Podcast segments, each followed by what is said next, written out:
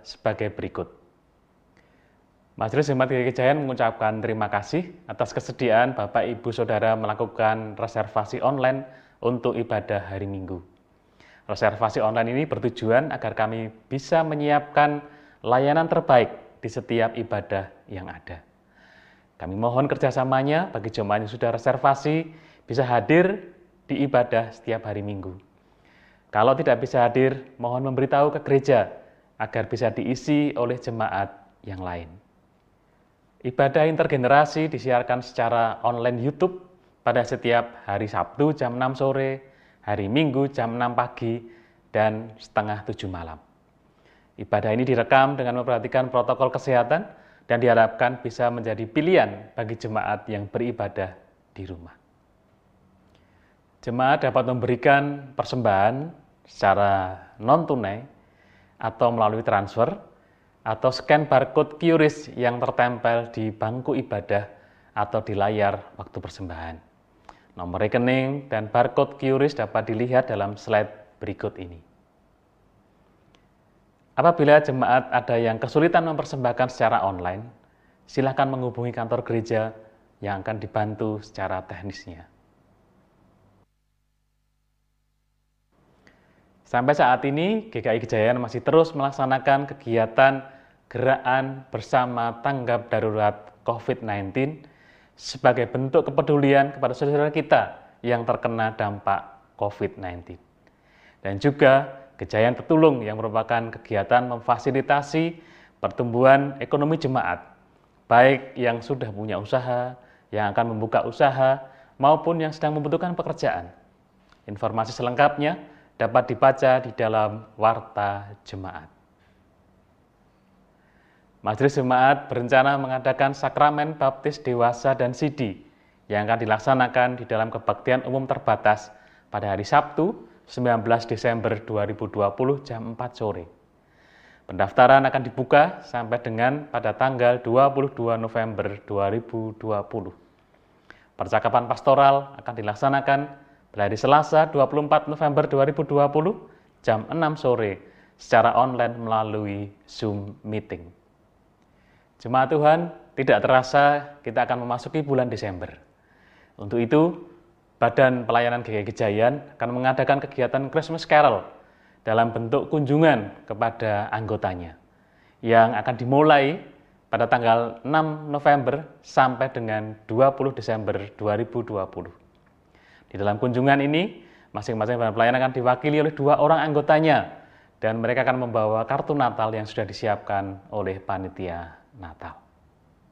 Kartu Natal dapat diambil di kantor gereja pada setiap jam kerja setiap kegiatan kunjungan mohon didokumentasikan baik berupa foto maupun video pendek dan diberi keterangan. Dokumentasi ini bisa dikumpulkan ke kantor gereja paling lambat tanggal 20 Desember 2020. Jemaat Tuhan, kita akan memasuki masa Advent. Di gereja kita, kita akan mulai ibadah di hari Minggu tanggal 29 November 2020 sampai dengan 20 Desember 2020. Selama masa Advent, ibadah di GKI Gejayan dan di The Grace akan dilaksanakan dalam nuansa etnik.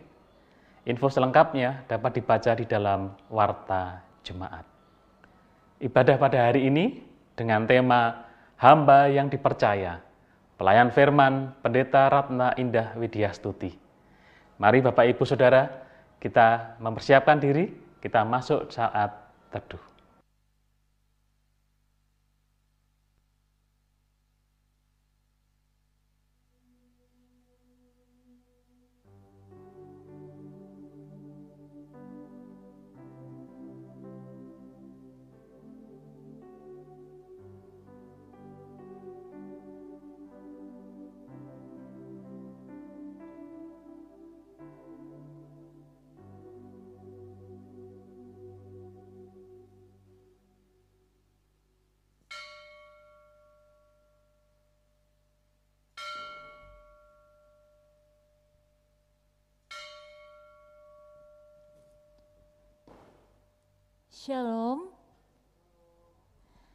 Saudara, menjadi rekan sekerja Allah adalah panggilan Tuhan kepada setiap kita untuk menjadi saksinya di setiap lini kehidupan.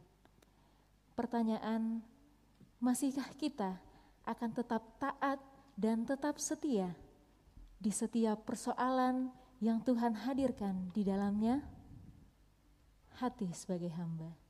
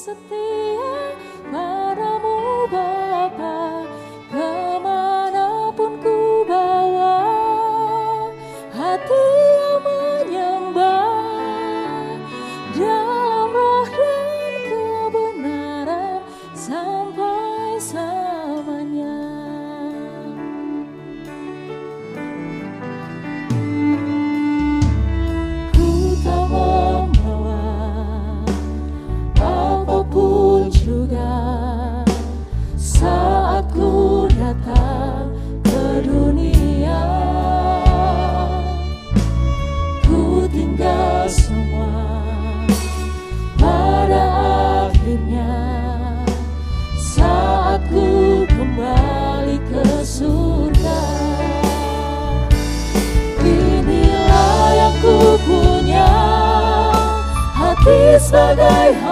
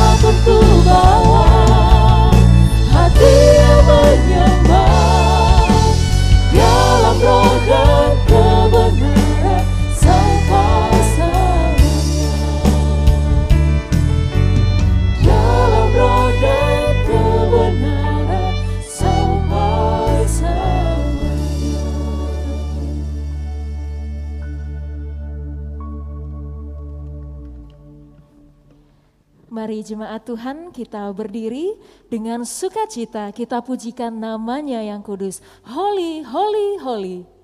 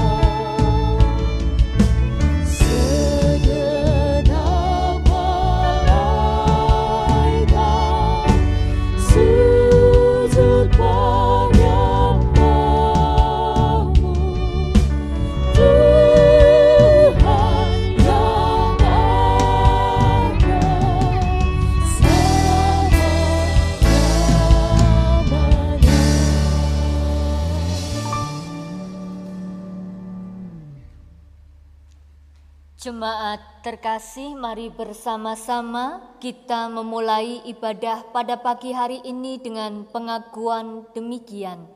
Pertolongan kita adalah di dalam nama Tuhan yang menjadikan langit dan bumi, yang kasih setianya tetap untuk selama-lamanya, yang memelihara umat manusia di tengah pergumulan dan goncangan kehidupan.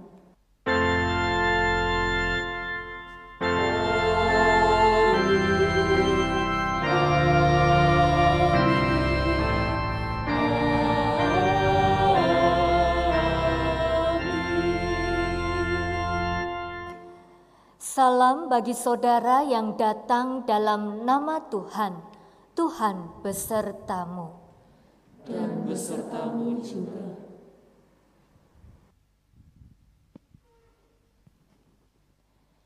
Saat ini, mari kita mengambil waktu hening sejenak. Kita merenungkan akan dosa-dosa dan kesalahan yang telah kita perbuat kita menghadap Tuhan dengan kesungguhan hati kita, dan mari kita berdoa pengakuan dosa.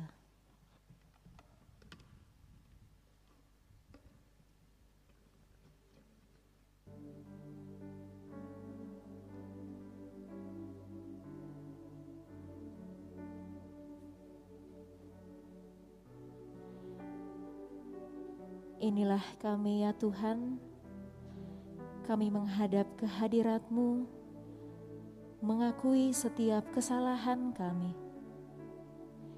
Kami mohon ampun untuk setiap dosa-dosa yang telah kami perbuat. Ajar kami ya Bapa, untuk selalu hidup sesuai dengan perintah-Mu. Inilah doa kami yang kami panjatkan hanya ke dalam namamu. Amin. Jemaat, mari kita bersuka cita menyambut berita anugerah dari Tuhan sebagaimana tertulis di dalam 2 Korintus pasal 5 ayat 14 hingga ayatnya yang ke-15. Sebab kasih Kristus yang menguasai kami, karena kami telah mengerti bahwa jika satu orang sudah mati untuk semua orang, maka mereka semua sudah mati, dan Kristus telah mati untuk semua orang, supaya mereka yang hidup tidak lagi hidup untuk dirinya sendiri, tetapi untuk Dia yang telah mati dan telah dibangkitkan untuk mereka. Demikianlah berita anugerah dari Tuhan. Syukur kepada Allah. Haleluya, Tuhan Yesus sangat mengasihi kita. Dunia pun tak bisa menjauhkan kita dari kasihnya. Ia yang rela mati di kayu salib untuk menghapus dosa-dosa kita dengan darahnya yang kudus. Hendaknya hati kita, bahkan hidup kita hanya tertuju kepadanya. Ku hidup bagimu.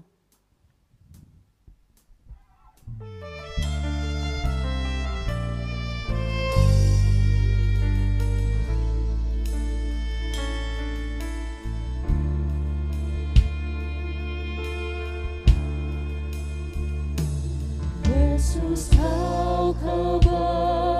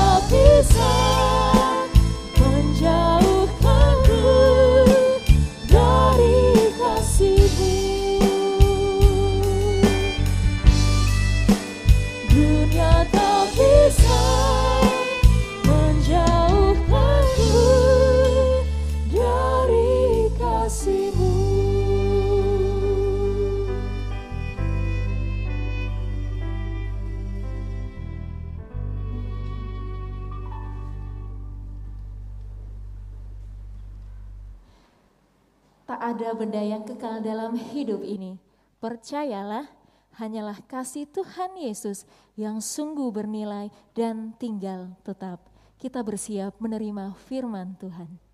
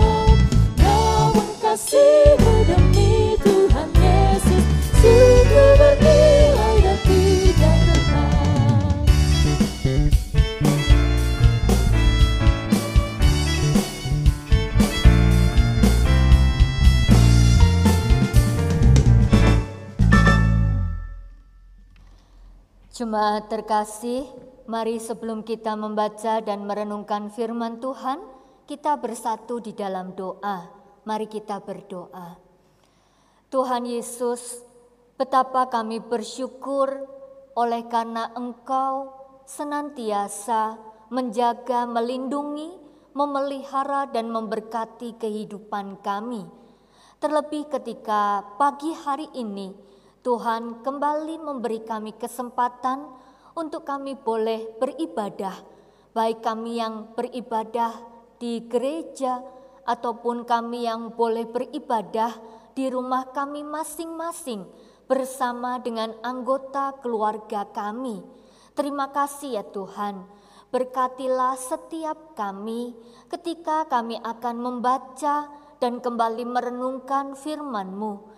Biarlah Roh Kudus yang boleh mengurapi, memampukan setiap kami untuk kami boleh mengerti, memahami, dan melakukan firman-Mu di dalam kehidupan kami hari lepas hari. Tuhan, kiranya Engkau juga memberkati, melengkapi, dan juga menolong hambamu ini di dalam keterbatasannya. Biarlah roh kudus yang boleh berkarya sehingga apa yang akan disampaikannya semuanya boleh seturut dengan kehendak Bapa di sorga. Terima kasih Tuhan Yesus, ini doa dan permohonan kami yang kami panjatkan hanya di dalam nama Tuhan Yesus Kristus, Sang Firman yang hidup. Amin.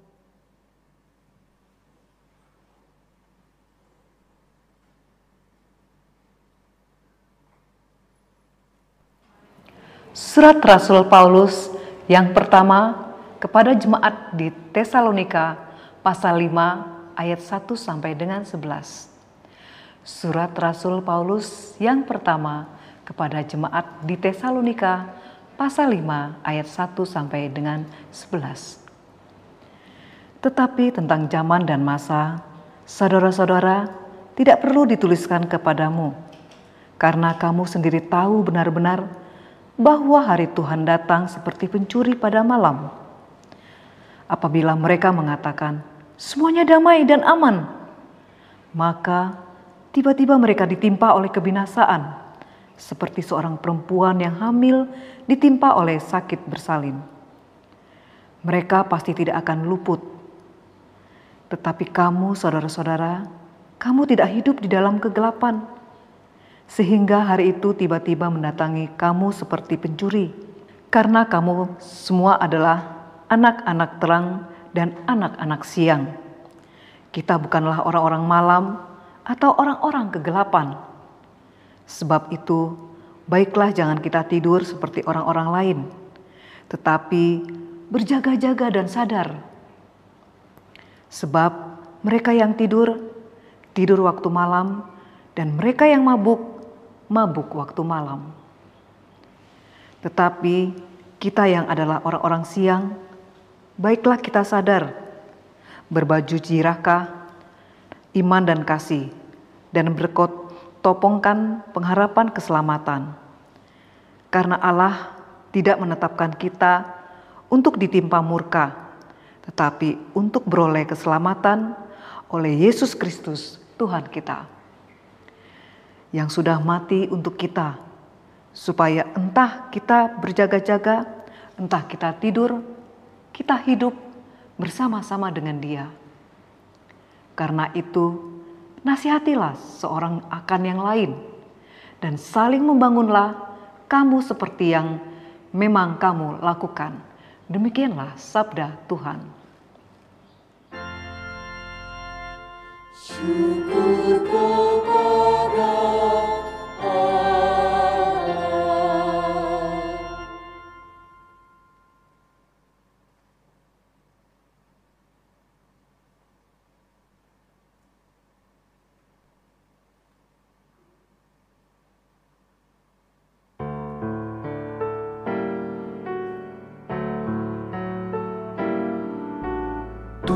Tuhan kaulah tempat perteduhan. Bagi kami turun temurun. Sebelum gunung dilahirkan Bumi diperanakan. Sampai selamanya kaulah Allah. Kau kembalikan manusia pada debu Dan berkata kembalilah hai manusia Seribu tahun di matamu bagaikan sehari Seperti giliran jaga waktu malam. Tuhan kaulah tempat perteduhan kami turun temurun sebelum gunung dilahirkan bumi diperanakan sampai selamanya kaulah Allah. Kau hanyutkan manusia semuanya manusia semuanya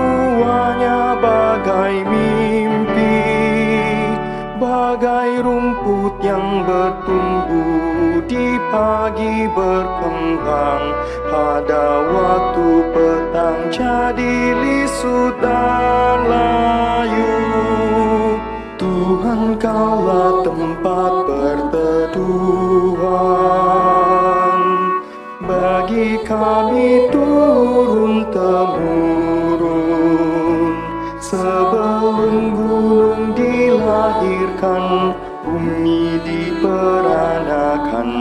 Sampai selamanya kaulah Allah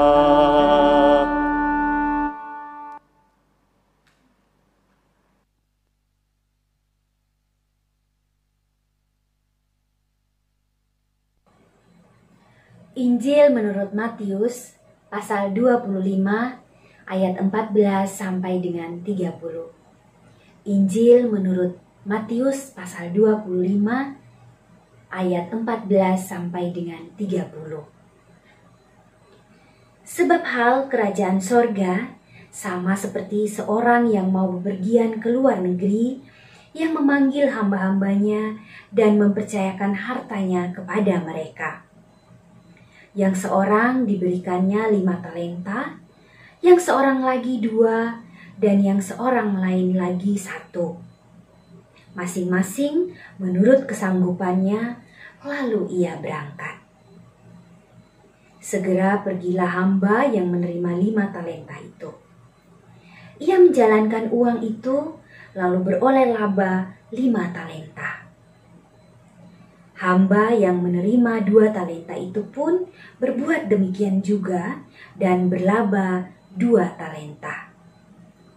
Tetapi hamba yang menerima satu talenta itu pergi dan menggali lubang di dalam tanah, lalu menyembunyikan uang tuannya. Lama sesudah itu, pulanglah tuan hamba-hamba itu, lalu mengadakan perhitungan dengan mereka. Hamba yang menerima lima talenta itu datang dan ia membawa laba lima talenta. Katanya, Tuan, lima talenta Tuhan percayakan kepadaku. Lihat, aku telah beroleh laba lima talenta. Maka kata tuannya itu kepadanya, Baik sekali perbuatanmu itu, hai hambaku yang baik dan setia. Engkau telah setia dalam perkara kecil. Aku akan memberikan kepadamu tanggung jawab dalam perkara yang besar. Masuklah dan turutlah dalam kebahagiaan Tuanmu. Lalu datanglah hamba yang menerima dua talenta itu, katanya, Tuan, Dua talenta Tuhan percayakan kepadaku. Lihat, aku telah beroleh laba dua talenta. Maka kata Tuhan itu kepadanya, Baik sekali perbuatanmu itu, hai hambaku yang baik dan setia. Engkau telah setia memikul tanggung jawab dalam perkara yang kecil. Aku akan memberikan kepadamu tanggung jawab dalam perkara yang besar. Masuklah dan turutlah dalam kebahagiaan Tuhanmu. Kini datanglah juga hamba yang menerima satu talenta itu dan berkata, Tuhan, aku tahu bahwa Tuhan adalah manusia yang kejam, yang menuai di tempat di mana Tuhan tidak menabur dan yang memungut dari tempat di mana Tuhan tidak menanam. Karena itu, aku takut dan pergi menyembunyikan talenta Tuhan itu di dalam tanah. Ini, terimalah kepunyaan Tuhan. Maka jawab tuannya Hai kamu, hamba yang jahat dan malas jadi kamu sudah tahu bahwa aku menuai di tempat di mana aku tidak menabur dan memungut dari tempat di mana aku tidak menanam. Karena itu, sudahlah seharusnya uangku itu kau berikan kepada orang yang menjalankan uang, supaya sekembaliku aku menerimanya serta dengan bunganya. Sebab itu, ambillah talenta itu daripadanya dan berikanlah kepada orang yang mempunyai sepuluh talenta itu. Karena setiap orang yang mempunyai, kepadanya akan diberi, sehingga ia berkelimpahan. Tetapi siapa yang tidak mempunyai, apa pun juga yang ada padanya, akan diambil daripadanya. Dan campakkanlah hamba yang tidak berguna itu ke dalam kegelapan yang paling gelap di sanalah akan terdapat ratap dan kertak gigi. Demikianlah Injil Yesus Kristus. Berbahagialah saudara yang mendengarkan berita Injil, menyimpan dalam hati, dan melakukannya dalam kehidupan setiap hari. Haleluya!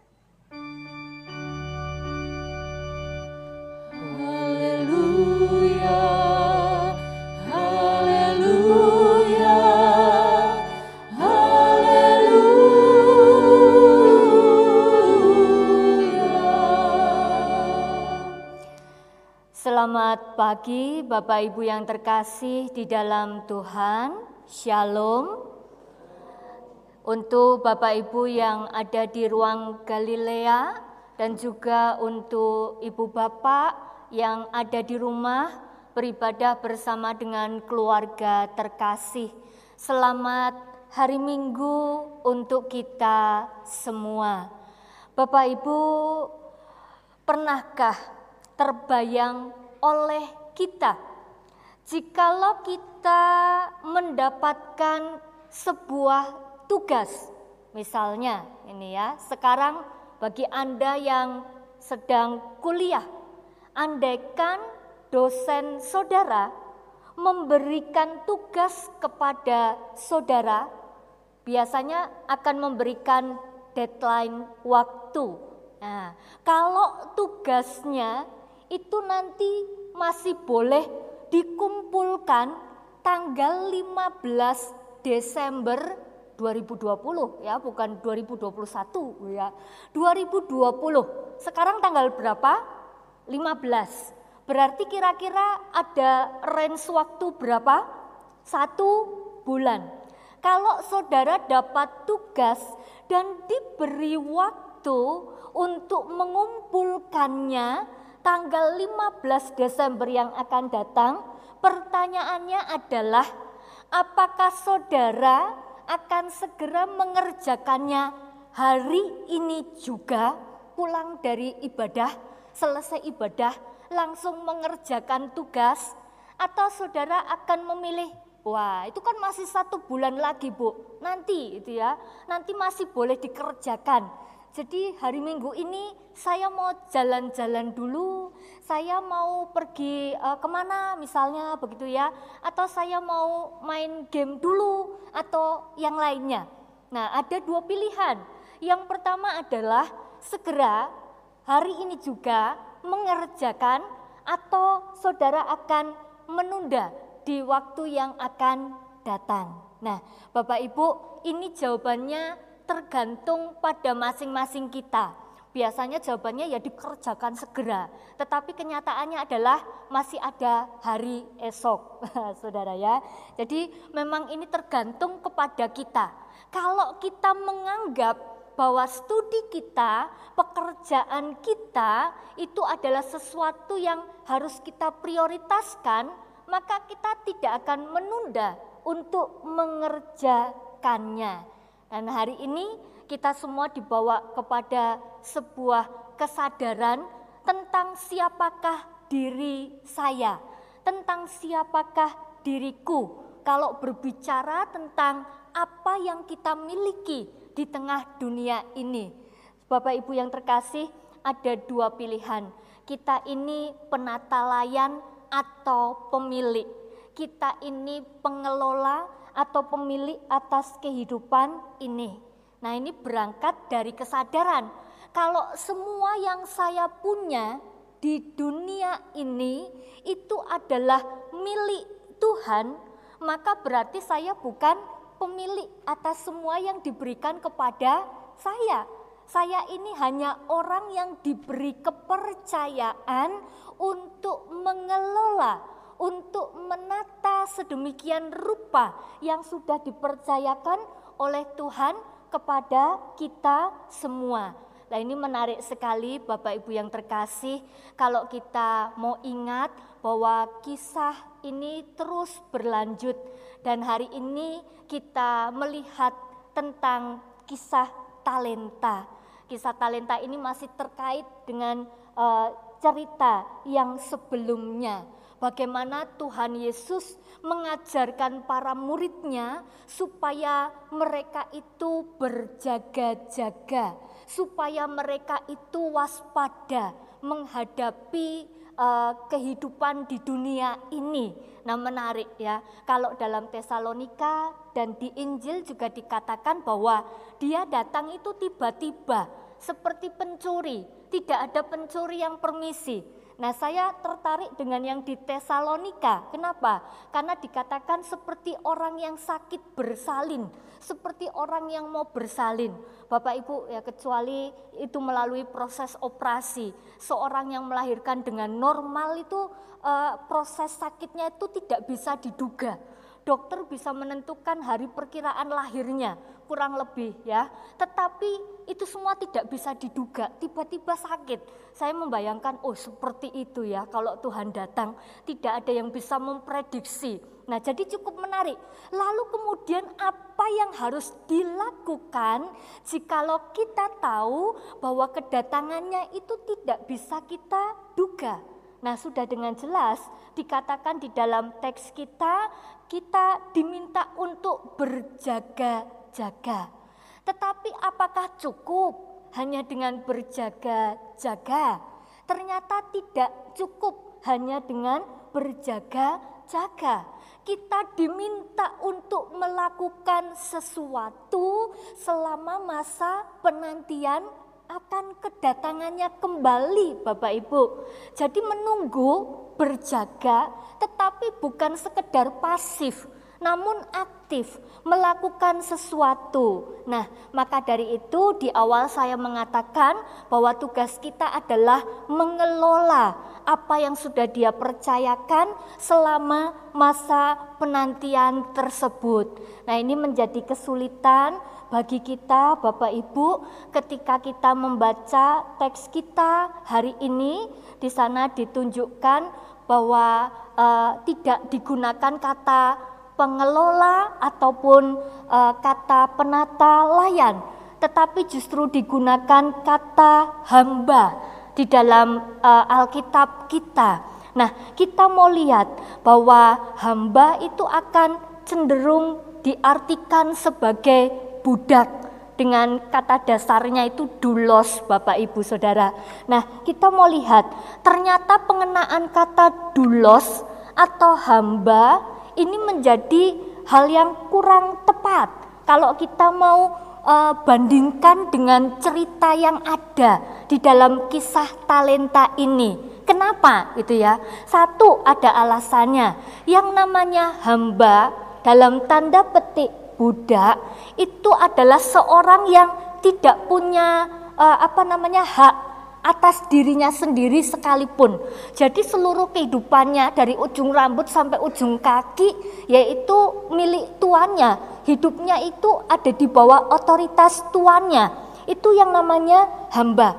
Lalu kemudian biasanya kalau kita dapati dalam cerita-cerita tentang Tuhan Yesus, maka yang namanya hamba itu biasanya mereka akan mengerjakan pekerjaan yang kasar. Seperti contohnya adalah mencuci kaki para tamu yang datang ke rumah seorang, seseorang begitu saudara. Jadi bisa dibayangkan bahwa budak atau hamba itu pekerjaannya adalah pekerjaan kasar.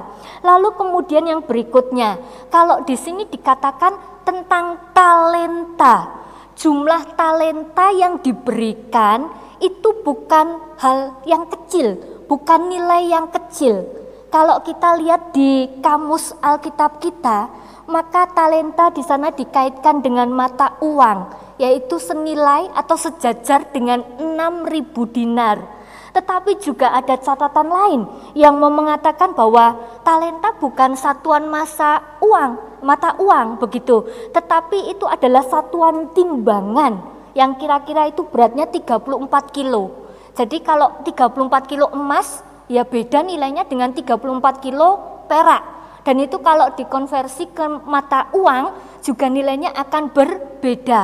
Tetapi bisa dibayangkan ya Bapak Ibu, 34 kilo emas, sekarang emas 1 gram berapa? Silahkan dihitung sendiri Bapak Ibu ya. Kalau ada 34 kilo perak, sekarang perak itu 1 gram berapa? Silahkan dihitung. Jadi bukan nilai yang kecil, sekalipun yang paling kecil tadi adalah satu talenta. Jadi satu talenta itu sendiri sudah besar Bapak Ibu. Bagaimana dengan yang dua? Bagaimana dengan yang nilainya lima? Nah, jadi cukup menarik. Jumlah yang diberikan, jumlah kepercayaan talenta yang diberikan itu tidak masuk akal diberikan untuk seorang hamba, untuk seorang budak dalam hal ini. Lalu kemudian alasan yang ketiga adalah kepercayaan untuk berdagang itu biasanya tidak diberikan kepada seorang hamba. Tidak ada hamba yang berdagang, menjalankan uh, kekayaan atau uang dari tuannya. Nah, cukup menarik. Maka kita akan melihat dari sedikit sisi yang berbeda Bapak Ibu bahwa sesungguhnya kata yang tepat digunakan itu adalah kata penata layan atau pengelola. Walaupun kalau kita membandingkan dengan bahasa Inggris artinya akan berbeda lagi dari kata oikonomos. Oikos itu rumah, lalu kemudian nomos itu adalah pengelola atau pengatur. Jadi orang di zaman Israel dulu, kalau mereka itu adalah orang yang sangat kaya, maka mereka akan memiliki seorang yang disebut dengan pengelola rumah tangga. Kalau sekarang apa ya namanya ya? Jadi mereka uh, seperti kepala rumah tangga begitu. Mereka itu punya tugas mengurus semua keperluan rumah tangganya mulai dari dapur sampai ruang tamu, begitu saudara. Bahkan mereka juga punya tugas mengelola kekayaan dari tuannya. Dan tugasnya bukan hanya itu, banyak sekali. Pokoknya urusan rumah ini dikerjakan oleh si pengatur rumah atau si pengelola rumah tangga. Nah, bagaimana tuannya? Bisa dibayangkan Bapak Ibu, kok sampai sang tuan tidak tidak mengerjakan pekerjaan yang ada di rumahnya?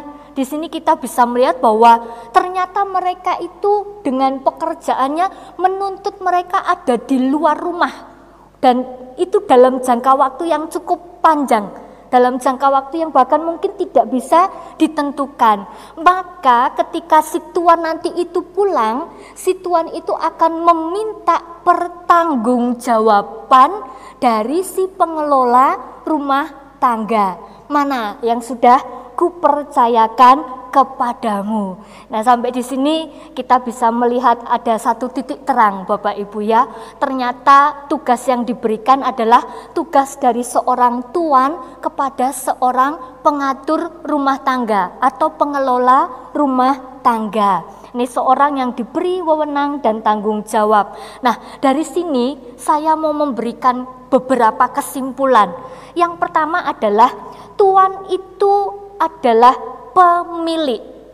Dengan kata lain, penata layan seperti apa pun tugasnya, seperti tadi itu ya, tetapi dia tetap adalah seorang penata layan.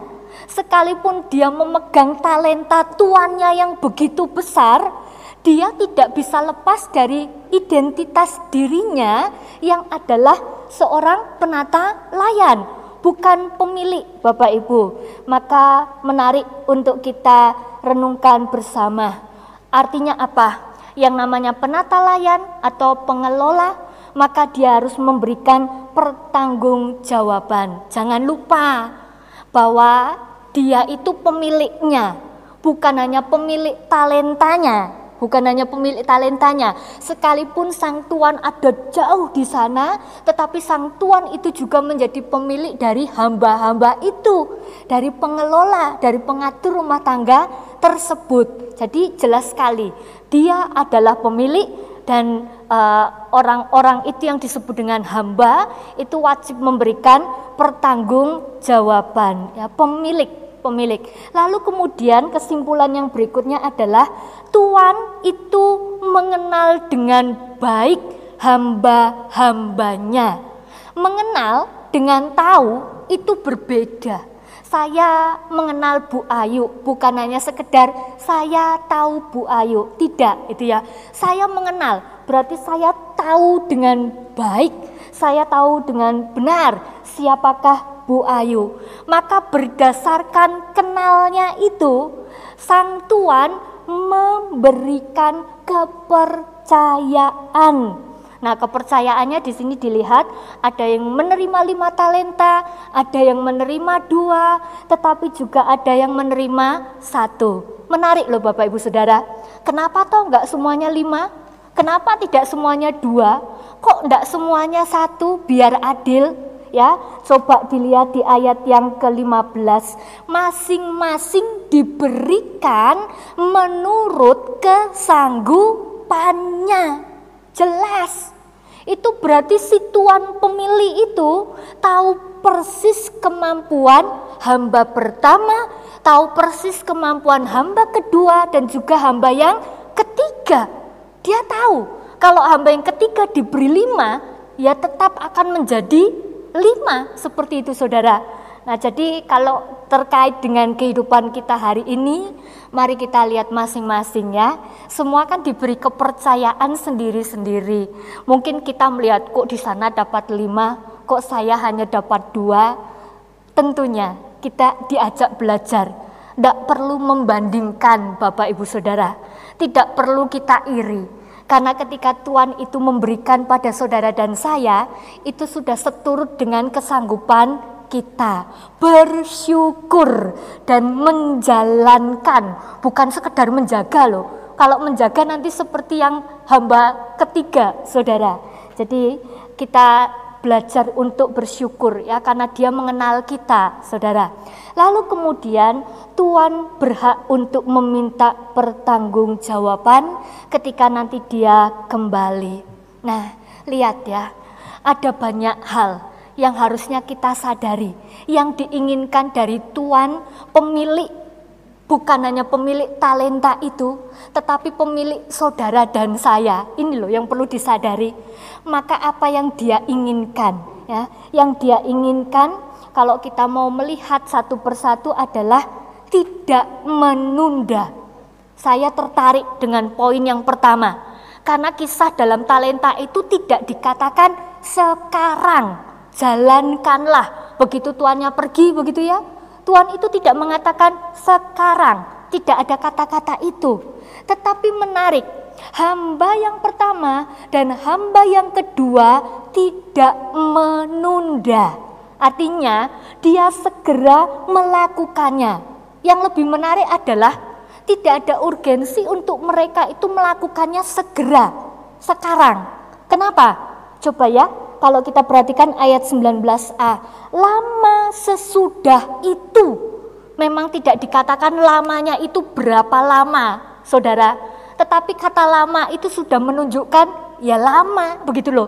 Lah saya membayangkan, andaikan andaikan si hamba pertama dan hamba kedua ya leha-leha sebentar begitu ya, menunda toh satu dua hari satu dua minggu mungkin tidak akan berpengaruh tetapi lihat, ternyata yang diinginkan dari seorang pemilik, dari seorang tuan itu adalah tidak menunda. Sekarang kita kerjakan. Nah, saudaraku, kita juga seperti itu ya tampaknya ya. Kalau kita meminta seseorang, bahkan kita beri garis tegas di, di blok hitam. Sekarang begitu ya, kerjakan. Nah, kita sendiri meminta orang lain mengerjakan itu sekarang, tetapi ini butuh uh, butuh kepekaan dalam hati kita. Kalau Tuhan beri kepercayaan pada saudara apa pun itu luas saudara ya, maka kerjakanlah itu sekarang. Jangan ditunda. Ya, tanyakan, apa sih yang hari ini Tuhan percayakan dalam hidupku?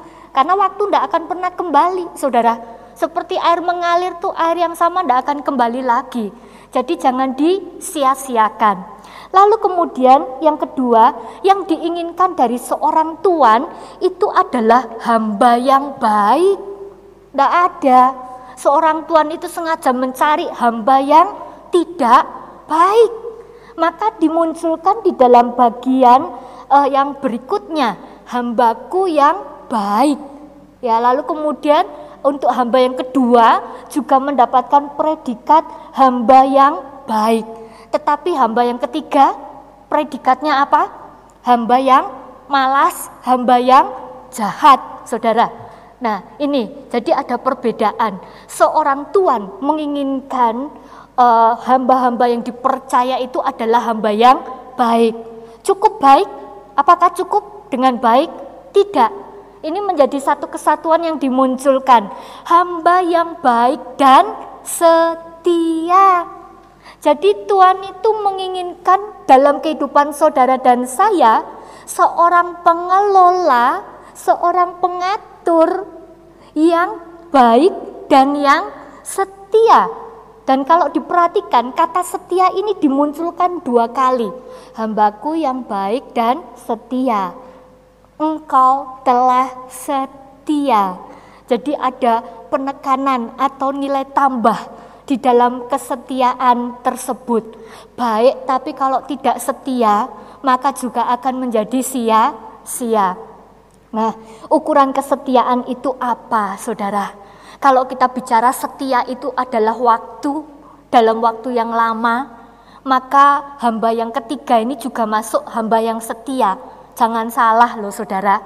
Yang pertama, kedua memang setia dengan waktu yang cukup lama. Dia tetap percaya dan menjalankan talenta itu. Tapi hamba yang ketiga itu juga tidak menggunakan talenta tuannya itu dengan sembarangan Ya, walaupun dia mengata-ngatai dengan kata-kata yang jahat begitu ya, tetapi dia menguburkannya.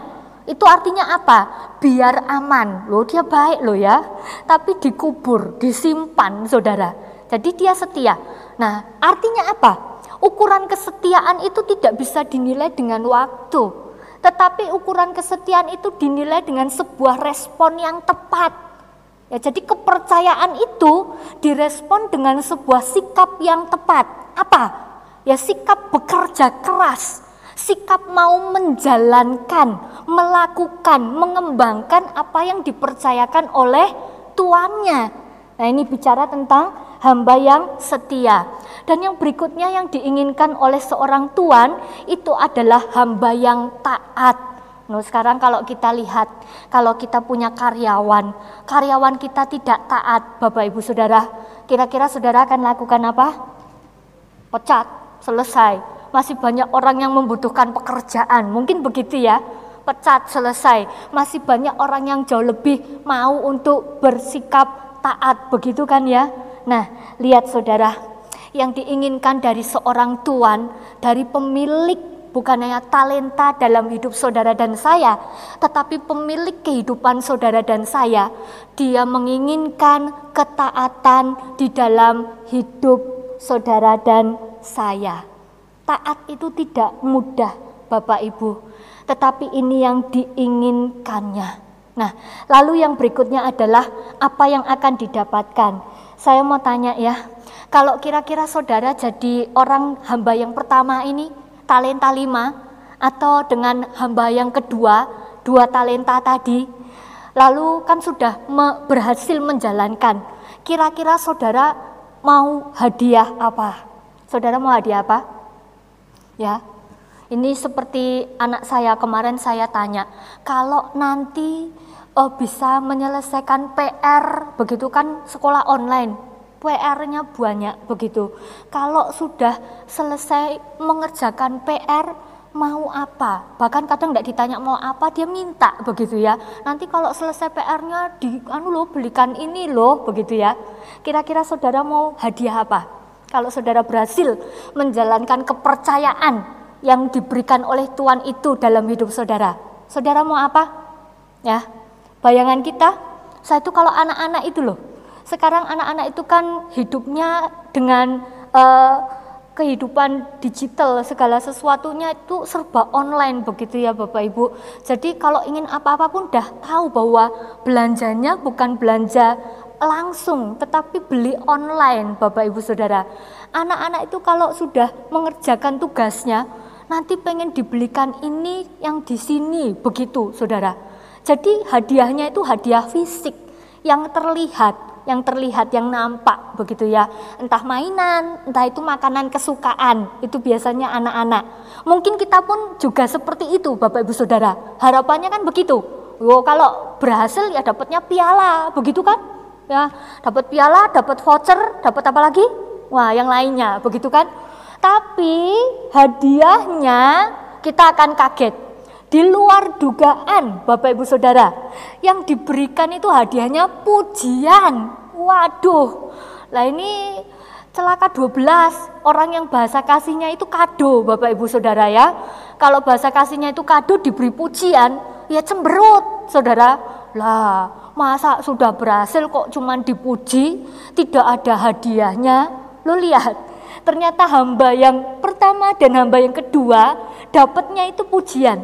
Nah, tapi kita jangan kecil hati. Ini pujian dari sang pemilik loh ya. Pujiannya bukan dari manusia, dari sesama yang ada di sekitar kita. Jadi bangga, harusnya bangga kalau dipuji. Nah, lalu kemudian yang berikutnya adalah hadiahnya juga di luar dugaan, Saudara. Hadiahnya itu adalah dipercayakan pekerjaan yang lebih besar Kok saya percaya ini ada mahasiswa. Kalau Anda berhasil mengerjakan tugas dan nilainya A, lalu dosennya memberikan tugas yang jauh lebih berat gitu ya. Misalnya hari ini berhasil mengerjakan paper dengan 20 halaman, maka besoknya dikasih, wah kamu nilainya bagus. Kamu hebat membuat papernya ya. Kamu tak kasih hadiah. Hadiahnya apa? Bikin paper lagi 50 halaman ya gitu ya. Wah, tahu gitu, tahu gitu gimana? Wah tak kerjakan bu ya 10 halaman saja gitu kan ya. Tidak apa-apalah gitu ya. Daripada kok hadiahnya suruh buat yang lebih berat lagi. Lah tapi ini yang terjadi begini ya Bapak Ibu Saudara. Diberi satu kepercayaan yang jauh lebih besar lagi. Lah kita akan mengatakan mungkin kita mengeluh. Laduh kok gini gitu ya. Tapi kita diajak untuk melihat hal yang berbeda. Bahwa yang lima yang dua itu ternyata juga masih dipandang sebagai perkara yang kecil oleh sang tuan pemilik setiap hal yang dipercayakan dalam hidup saudara dan saya. Jadi banggalah kalau Tuhan memberikan berikutnya kesulitan dalam tugas ini ya saudara. Bersyukur karena Tuhan mengenal saudara. Tuhan tahu bahwa saudara bisa bisa menyelesaikan, bisa mempertanggungjawabkan. Nah, berikutnya adalah apa yang akan diterima ya ini akan turut dalam kebahagiaan tuanmu, dalam kegembiraan tuanmu. Jadi ini uh, konsekuensi bagi seorang pengelola penata layan yang setia, yang baik, saudara, yang bertanggung jawab. Berikutnya, kita lihat konsekuensinya untuk hamba yang tidak setia, untuk pengelola yang tidak bertanggung jawab. Konsekuensinya adalah talenta itu akan diambil, diberikan kepada yang punya 10 talenta. Berarti diberikan kepada yang berhasil melabakannya itu tadi, saudara. Bukan hanya yang lima saya rasa, tetapi juga seperti yang dua tadi itu juga. Jadi sadarilah kalau kita tidak bisa diberi kepercayaan yang sedemikian, maka tidak akan ada lagi kepercayaan, saudara. Sungguh mengerikan ya. Lalu kemudian yang berikutnya adalah akan menerima hukuman. Dicampakkan dalam kegelapan yang paling gelap dan seterusnya itu saudara. Nah kita yang mana Bapak Ibu Saudara? Kita yang mana? Hamba, pengelola, yang setia, yang baik bertanggung jawab, atau yang sebaliknya apa kepercayaan yang sudah Tuhan berikan pada saudara dan saya? Coba dievaluasi. Keluargaku, suami, istri, anakku, pekerjaanku, perkuliahanku, sekolahku, dan masih banyak yang lainnya. Apakah semuanya itu sudah dikerjakan dengan baik, dengan bertanggung jawab? Mari dievaluasi apakah kita sudah menjalankannya itu dengan sungguh-sungguh segera, tidak menunda sekarang tadi? Apakah saudara sudah mengerjakan dengan baik, sebaik mungkin? Apakah saudara sudah mengerjakannya dengan penuh kesetiaan? Apakah saudara sudah mengerjakannya di dalam ketaatan? Ya, mari yuk segera kita evaluasi diri kita. Kita diajak untuk menggunakan waktu yang ada dengan sebaik mungkin. Karena ketika sang tuan itu datang, maka kepercayaan itu tidak bisa direvisi, ya, tidak bisa kita putar balik kembali waktu yang sudah ada. Nah, Bapak Ibu yang terkasih di dalam Tuhan, ada sebuah cerita dari sebuah film yang namanya Hugo. Ini film ini dirilis tahun 2011. Judulnya adalah Hugo. Ini adalah seorang anak kecil. Dia berjuang memperbaiki robot yang rusak. Namanya itu automaton. Nah, dalam film itu ada sebuah quote yang cukup sederhana tetapi e, luar biasa artinya. Dikatakan setiap mesin diciptakan dengan tujuan.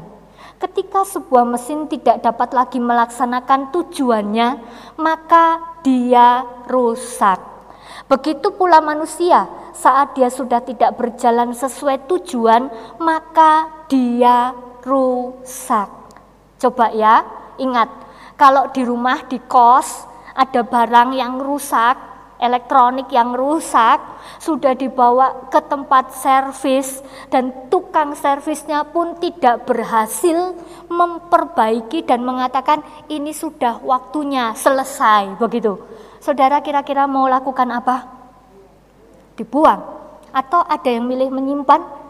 Ya mungkin satu dari sekian menyimpan tapi sekian banyak orang hari ini lebih memilih untuk membuang dan menggantinya dengan yang baru. Yuk mari kita renungkan bersama-sama bagaimana dengan kehidupan saudara dan saya. Apakah kita masih terus menjalankan kepercayaan yang Tuhan berikan sampai dengan hari ini atau kita sedang tidak bertanggung jawab dengan kepercayaan yang Tuhan berikan dalam kehidupan kita hari ini. Ingat, Dia menginginkan kita menjadi hamba yang tidak menunda, menjadi seorang pengelola yang mengerti untuk mengerjakan dengan segera, dengan baik, setia, dan dengan ketundukan, ketaatan di dalam Tuhan. Amin. Mari kita bersatu di dalam doa.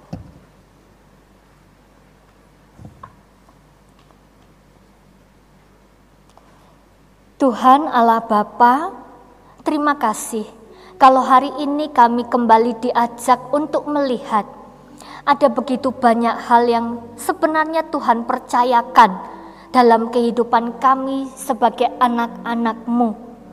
Ampuni kami ya Tuhan ketika kami tidak bertanggung jawab dengan hal yang Tuhan percayakan dalam kehidupan kami.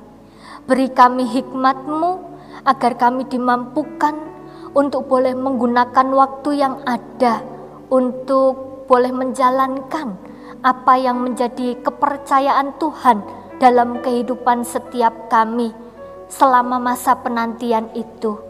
Biarlah kami boleh menjadi manusia-manusia yang produktif, manusia-manusia yang boleh menghasilkan banyak hal yang baik, yang menghasilkan hal yang positif bagi kehidupan dunia terutama dalam kehidupan saat ini Tuhan.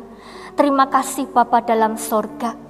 Pada saat ini kami juga mau berdoa bagi orang-orang yang ada di sekitar kami. Terus Tuhan, kami tidak lelah berdoa bagi saudara-saudara kami yang hari ini mereka bergumul melawan COVID-19 di dalam tubuh mereka. Oh Tuhan, di tengah kelemahan fisik mereka. Kami memohon Tuhan beri mereka kekuatan. Di tengah tiadanya pengharapan, di tengah keputusasaan, kami mohon Tuhan hadir memberi kekuatan dan juga penghiburan bagi mereka dan juga bagi keluarga yang mendampingi. Ya Tuhan, hari ini kami juga teringat akan begitu banyak orang yang bahkan sampai hari ini mereka masih berduka oleh karena mereka kehilangan orang-orang yang mereka kasihi karena COVID-19. Kami mohon Tuhan juga beri kekuatan dan penghiburan. Bapa di dalam sorga, kami juga mau berdoa untuk bangsa dan negara kami. Di tengah perjalanan kehidupan bangsa kami ini ya Tuhan, kami senantiasa membawa dalam doa kami untuk setiap para pemimpin negeri ini. Beri mereka kerendahan hati, beri mereka ketaatan, ketundukan, beri mereka kesetiaan, hal yang baik untuk mereka boleh menjalankan pemerintahan ini seturut dengan jalan Tuhan. Terima kasih Bapa dalam sorga. Tidak lupa kami mau berdoa untuk setiap orang yang ada di sekitar kami yang hari ini mengalami dampak dari COVID-19. Tuhan, biarlah melalui apa yang kami kerjakan, tangan-tangan kami yang kecil ini boleh menjangkau mereka. Terima kasih ya Tuhan. Kami mau berdoa untuk panitia Natal yang sementara ini sudah mulai bekerja, mempersiapkan banyak hal. Tuhan menolong, beri teman-teman kami kesehatan, beri sukacita, beri hikmat agar kami dimampukan untuk boleh mengelola setiap acara dengan baik dan bijak. Terima kasih Tuhan Yesus. Ini doa dan permohonan kami yang kami panjatkan hanya di dalam nama Tuhan Yesus Kristus. Amin.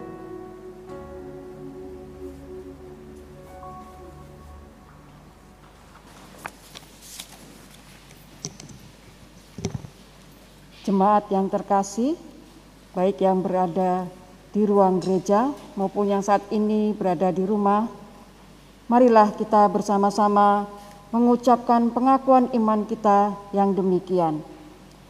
Aku percaya kepada Allah, Bapa yang Maha Kuasa, Khalik langit dan bumi, dan kepada Yesus Kristus, anaknya yang tunggal Tuhan kita, yang dikandung dari roh kudus, lahir dari anak darah Maria, yang menderita sengsara di bawah pemerintahan Pontius Pilatus, disalibkan, mati dan dikuburkan, turun ke dalam kerajaan maut. Pada hari yang ketiga, bangkit pula dari antara orang mati, naik ke surga, duduk di sebelah kanan Allah, Bapa yang Maha Kuasa. Dan dari sana ia akan datang untuk menghakimi orang yang hidup dan yang mati. Aku percaya kepada Roh Kudus, gereja yang kudus dan am, persekutuan orang kudus, pengampunan dosa, kebangkitan orang mati, dan hidup yang kekal. Amin.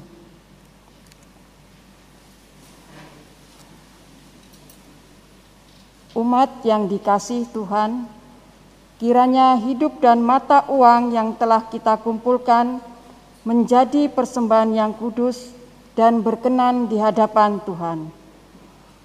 Mari kita bersama-sama mengucapkan dari surat Roma pasalnya yang ke-11 ayat yang ke-36 demikian. Sebab segala sesuatu dalam diri dia dan oleh dia dan kepada dia bagi dialah kemuliaan sampai selama-lamanya. Mari kita berdiri dan bersama-sama menyerahkan persembahan kita. Bagi Tuhanlah kami mempersembahkan hidup dan karya kami.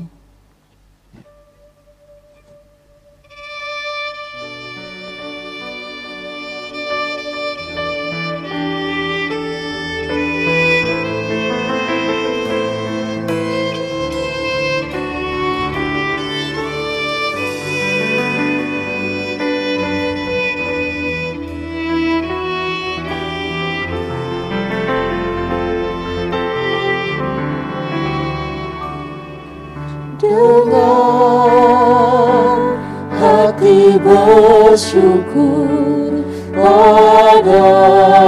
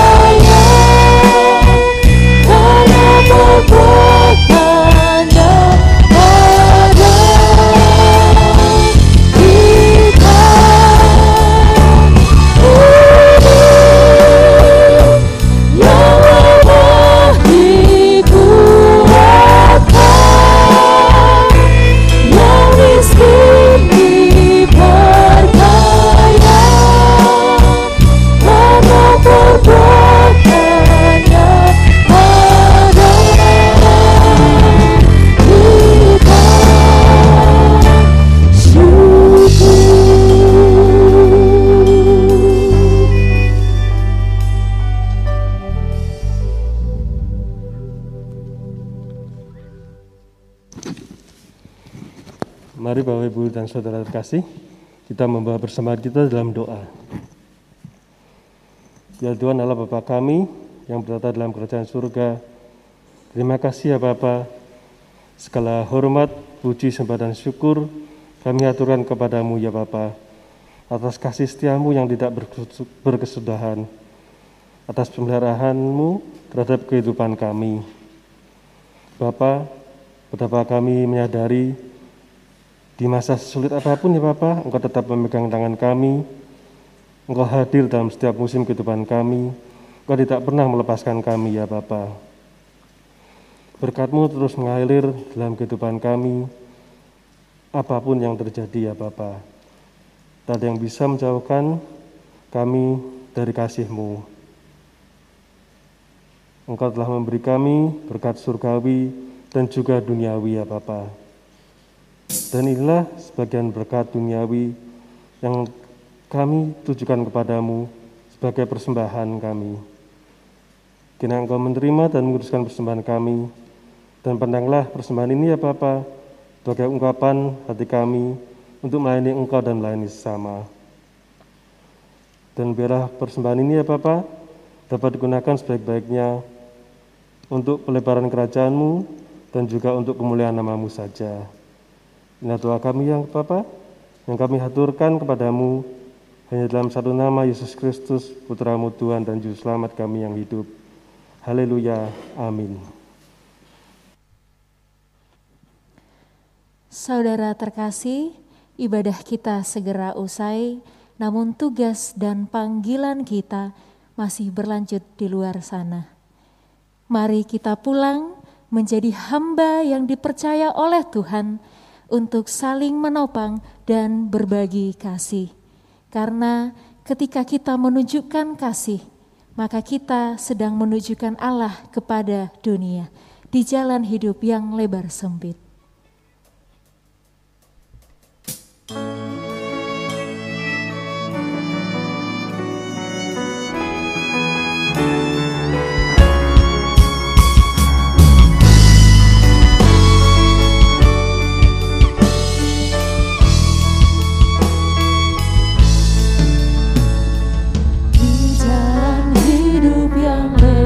Sempit. Orang sedih menyerang Tolong mereka yang dalam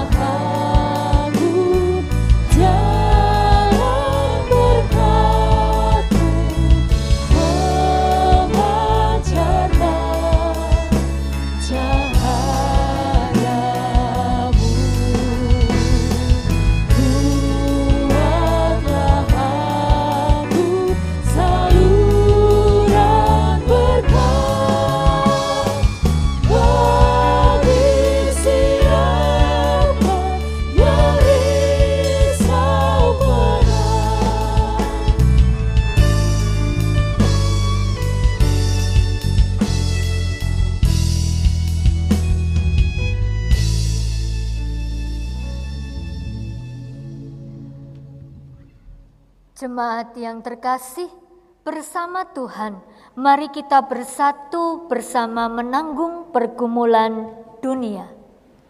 Kami bersedia bersatu untuk bersama menanggung pergumulan dunia. Bawalah penghiburan dan pengharapan dari Tuhan bagi sesama. Kami mau menjadi alat penghiburan dan pengharapan dari Tuhan bagi sesama. Terangilah dan garamilah keluarga dan dunia. Kami bersuka cita menjadi terang dan garam dunia. Kini terimalah berkat dari Tuhan yang menguatkan dan meneguhkan saudara. Tuhan memberkati engkau dan melindungi engkau. Tuhan menyinari engkau dengan wajahnya dan memberi engkau kasih karunia. Tuhan menghadapkan wajahnya kepadamu dan memberi engkau damai sejahtera. Amin.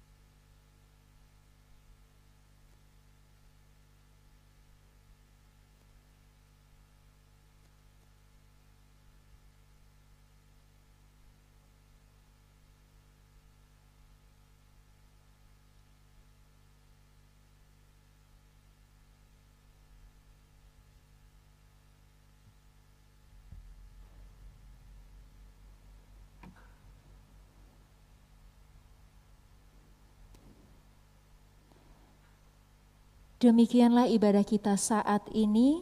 Selamat melanjutkan ibadah dalam keseharian kita. Jemaat mohon bersabar menantikan arahan dari Aser untuk keluar, dimulai dari baris paling belakang dan harap tetap menjaga jarak satu dengan yang lain. Jemaat juga mohon keluar melalui jalur sebelah kanan kursi untuk menuju pintu samping atau depan. Sekali lagi, kami mohon jemaat bersabar menantikan arahan dari Aser untuk keluar, dimulai dari baris paling belakang dan harap tetap menjaga jarak satu dengan yang lain. Jemaat juga mohon keluar melalui jalur sebelah kanan kursi dan menu- untuk menuju pintu samping atau depan. Terima kasih. Selamat hari Minggu. Tuhan Yesus memberkati.